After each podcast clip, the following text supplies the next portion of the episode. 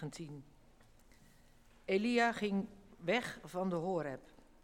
Toen hij Elisa, de zoon van Safat, aantrof, was deze aan het ploegen.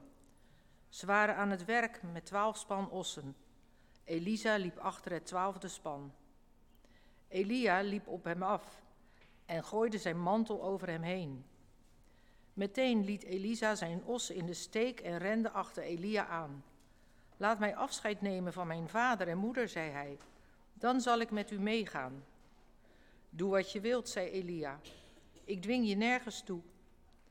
Elisa ging terug, slachtte zijn ossen, braadde het vlees op het hout van hun juk en bood het zijn knechten aan. Daarna ging hij met Elisa, Elia mee als zijn dienaar. En lezen we uit Lucas, Lucas 9 vanaf vers 51 tot 62.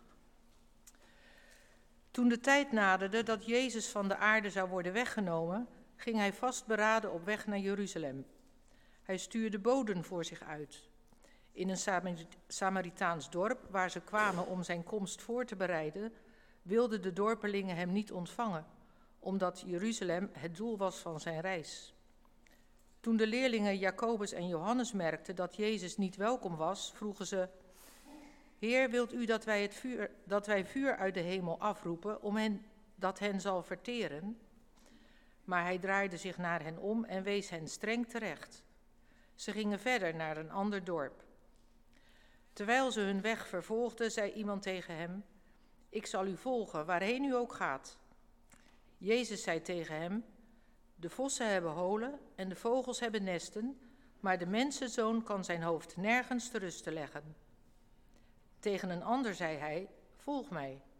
Maar deze zei: Heer, sta me toe eerst ter rug te gaan om mijn vader te begraven. Jezus zei tegen hem: Laat de doden hun doden begraven, maar ga jij op weg om het koninkrijk van God te verkondigen. Weer een ander zei: Ik zal u volgen, Heer, maar sta me toe dat ik eerst afscheid neem van mijn huisgenoten. Jezus zei tegen hem: Wie de hand aan de ploeg slaat en achterom blijft kijken, is niet geschikt voor het koninkrijk van God. Gemeente van onze Heer Jezus Christus. Een tijdje geleden las ik een boek van de Ierse schrijfster Sally Rooney, Gesprekken met vrienden. En die boeken van haar die zijn, die zijn hip de laatste tijd, dus misschien heb je daar ook wel eens van gehoord of iets van gelezen. In die boeken spelen steeds de, zoals dat dan genoemd wordt, de millennials de hoofdrol. De mensen zeg maar van mijn generatie en, en nog jonger. Twintigers, dertigers, er zitten hier best wat in de kerk, zag ik vanochtend. En dat is ook in, in dit boek zo. En een van de dingen die mij opviel in dat boek, een van de dingen die, die, die me raakte ook, is dat over alle gesprekken die in dat boek gevoerd worden, eigenlijk een soort, een soort sluier van, van luchtigheid Een soort zelfspot, ironie, net niet helemaal serieus zijn. Mensen houden het altijd maar luchtig. Ze maken er een grapje over. In elk geval, ze zeggen niet wat ze nou echt vinden en voelen en denken. En dat, dat zit in, in, in, in taal, in de woorden die ze gebruiken. Maar het is ook een soort levenshouding, lijkt het wel. Een levenshouding die zich nooit ergens echt helemaal aangeeft. Liefst blijf je een beetje aan de oppervlakte. Bijvoorbeeld, ergens in het boek hoor je een van de hoofdpersonen denken over een ander, ik hou van je. Maar denk maar niet dat ze dat zegt. Ze zegt iets totaal onbenulligs of zo. Ik weet niet meer precies wat, maar iets in de trant van wat een leuk bloemetjesbehang hangt hier. Iets wat totaal niet lijkt op wat je van binnen eigenlijk voelt, maar wat wel een stuk luchtiger is. Het klinkt grappig, maar ondertussen kom je natuurlijk als mensen nooit echt tot elkaar op die manier. Je blijft altijd een soort afstand houden. En dat zie je in dat boek dat met alles gebeurt. Met hoe mensen met elkaar omgaan, maar ook hoe ze bijvoorbeeld met werk omgaan. Je geeft jezelf nooit ergens aan. Het blijft altijd speels.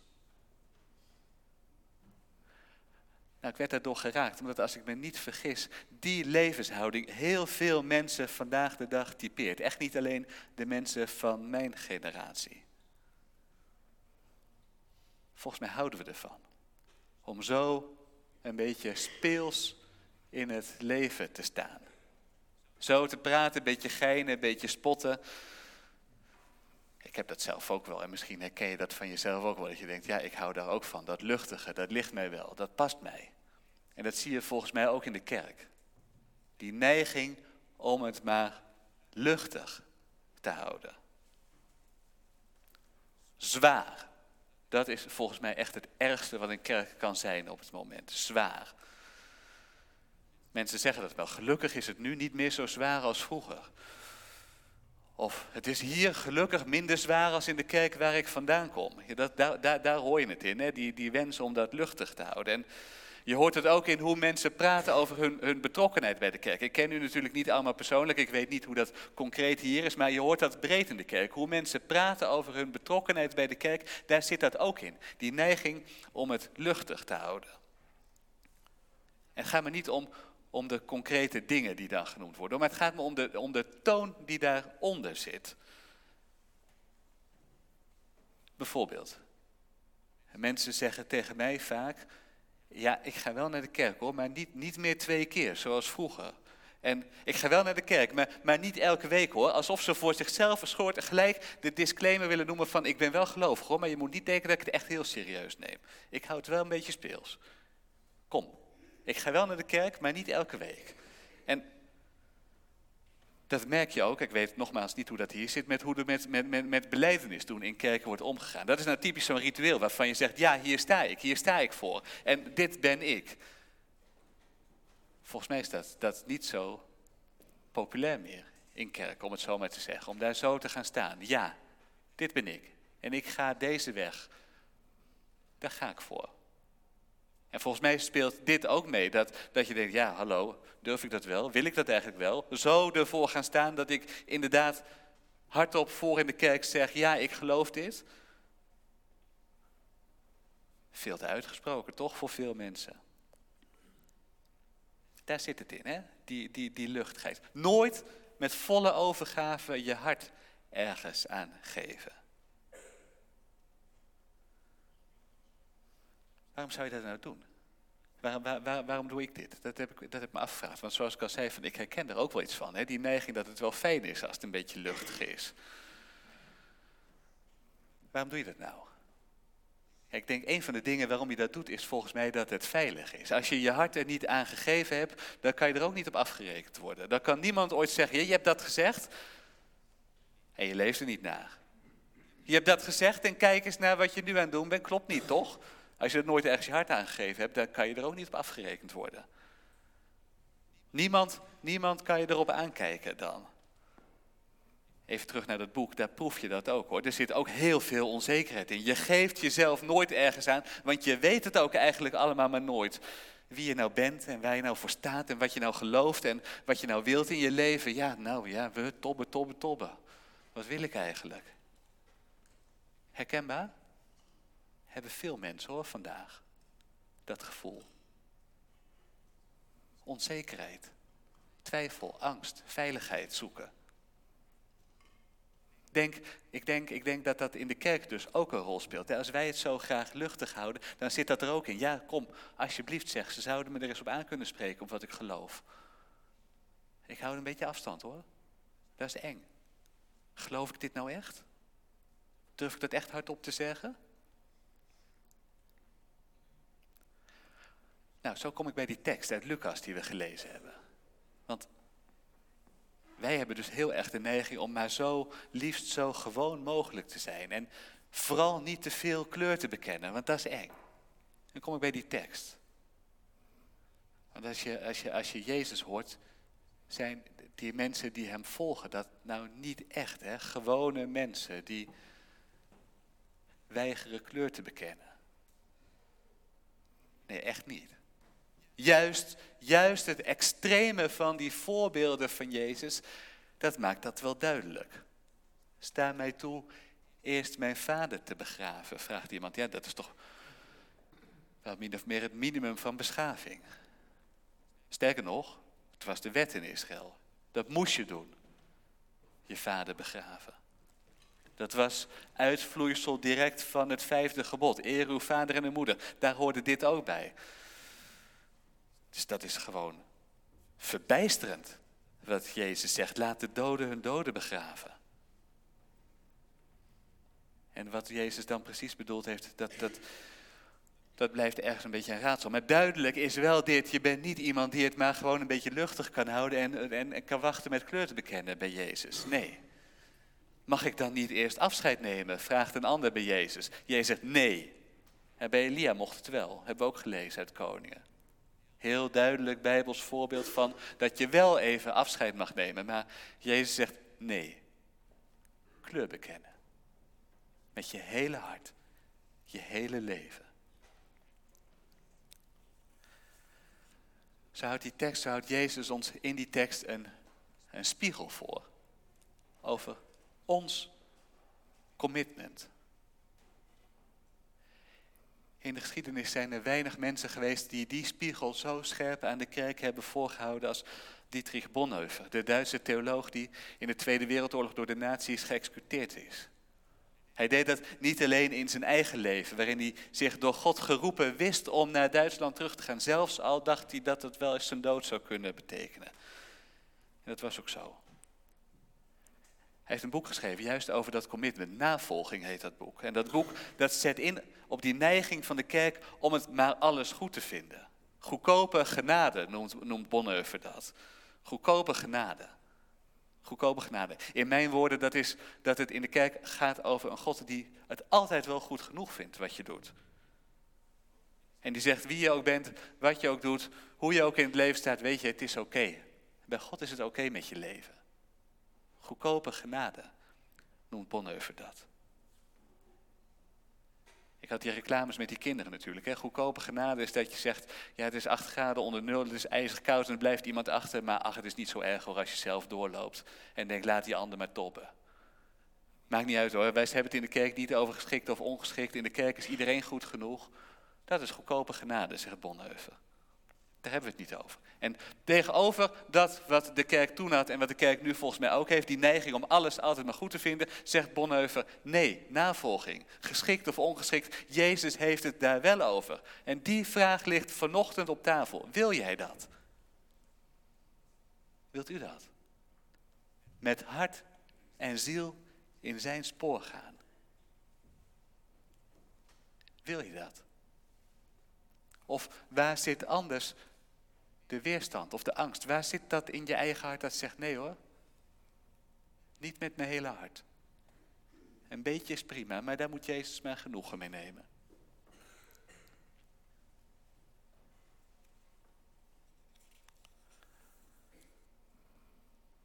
Luchtig, niet met je hele hart, want dat is eng om dat te doen. En misschien speelt er nog wel iets mee. En daar hoor je ook wel iets van in de tekst. Nog een andere reden waarom wij volgens mij zo aarzelend zijn om zo je hele hart aan Jezus te, te geven.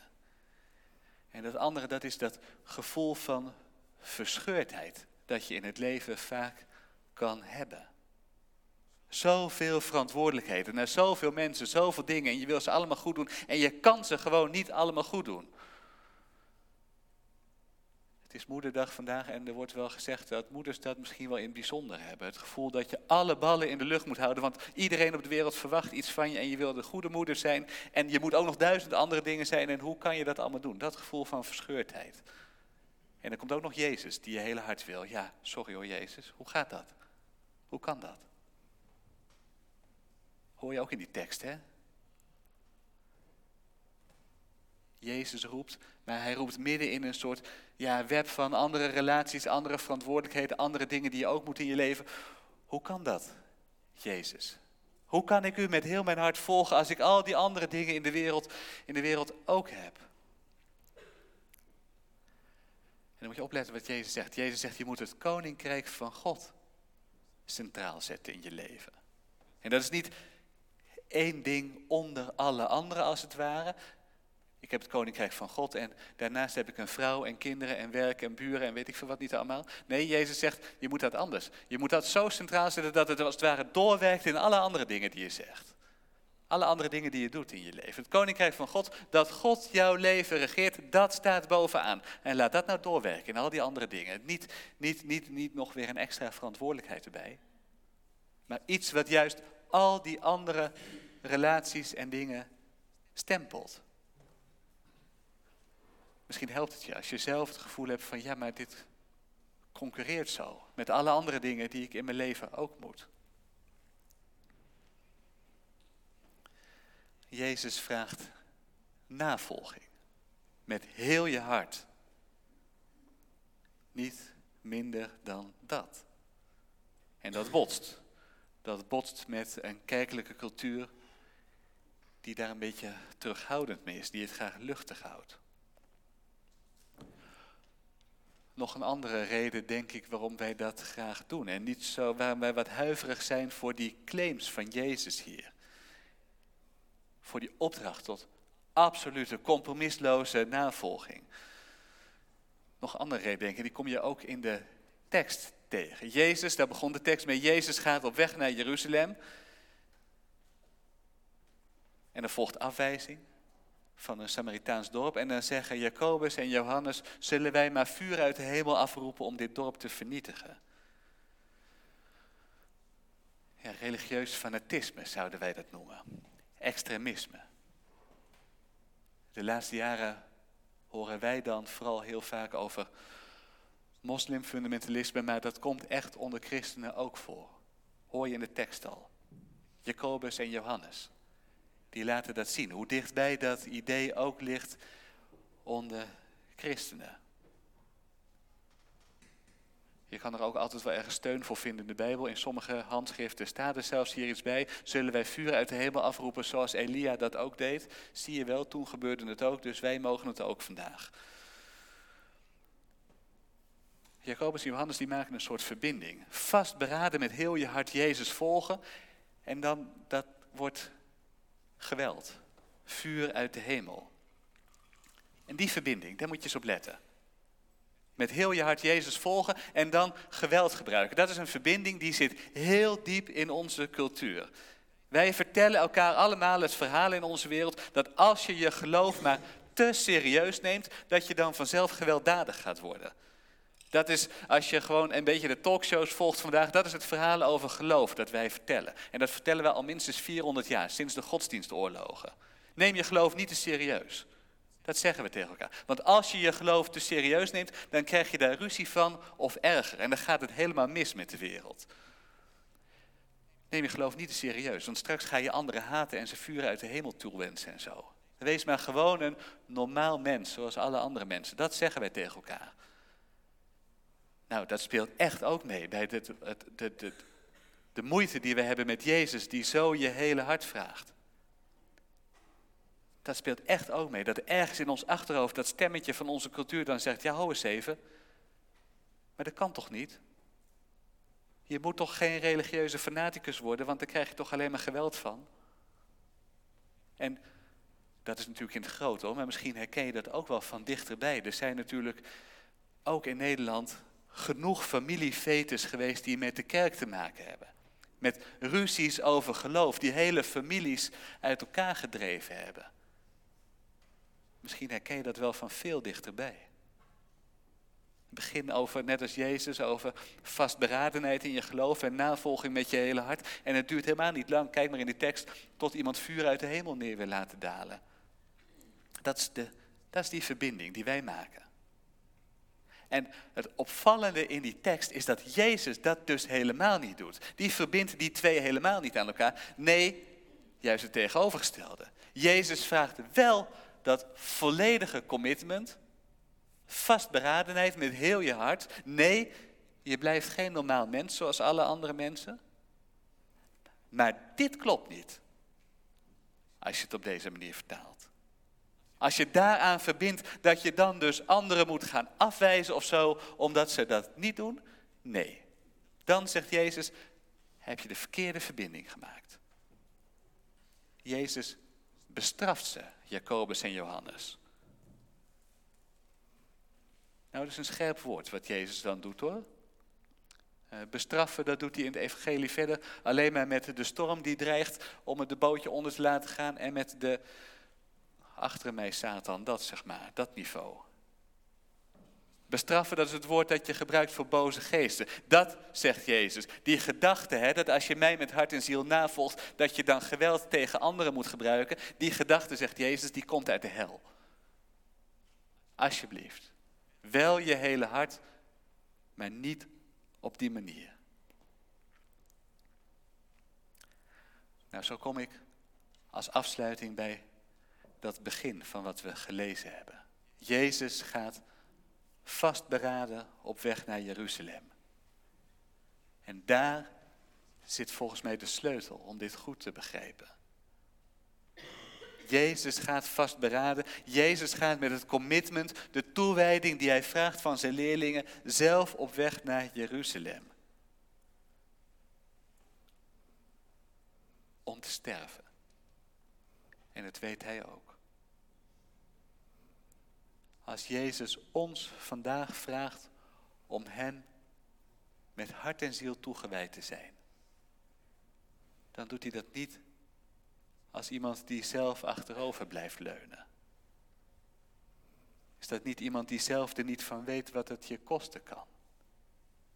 Nee, hij weet het heel goed. Hij ging voorop op die weg, vastberaden naar Jeruzalem, om alles te geven wat hij had, om alles te geven voor het koninkrijk van God. Dat is de radicaliteit die Jezus vraagt. Naar Jeruzalem gaat hij. Afgewezen en gekruisigd zal hij er worden. De radicaliteit van Jezus is niet de radicaliteit die tot geweld leidt, maar het is de radicaliteit van de liefde. De radicaliteit van je hele hart in liefde geven. En op die weg roept hij, nee, beveelt hij ons om achter hem aan te komen. Eén keer Bonhoeffer nog als afsluiting. Die heeft het ook over die oproep van Jezus. Kom achter mij aan, volg mij. En die schrijft dan, elke oproep van Jezus leidt tot de dood. Elke oproep van Jezus leidt tot de dood. Dat kan er natuurlijk heel verschillend uitzien in al onze mensenlevens. En dan schrijft Bonhoeffer over, naar aanleiding van deze tekst. Dat kan je als mens ook helemaal niet willen. Jezus volgen. Echt niet. Wie zegt dat hij dat wil, Jezus volgen, die weet niet wat hij zegt en die weet niet wat hij wil.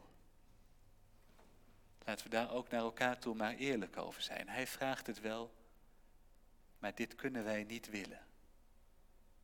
Het is het grote wonder. Hij zegt kom. En kom je dan? Jezus die langs het water liep. Hij roept, hij riep.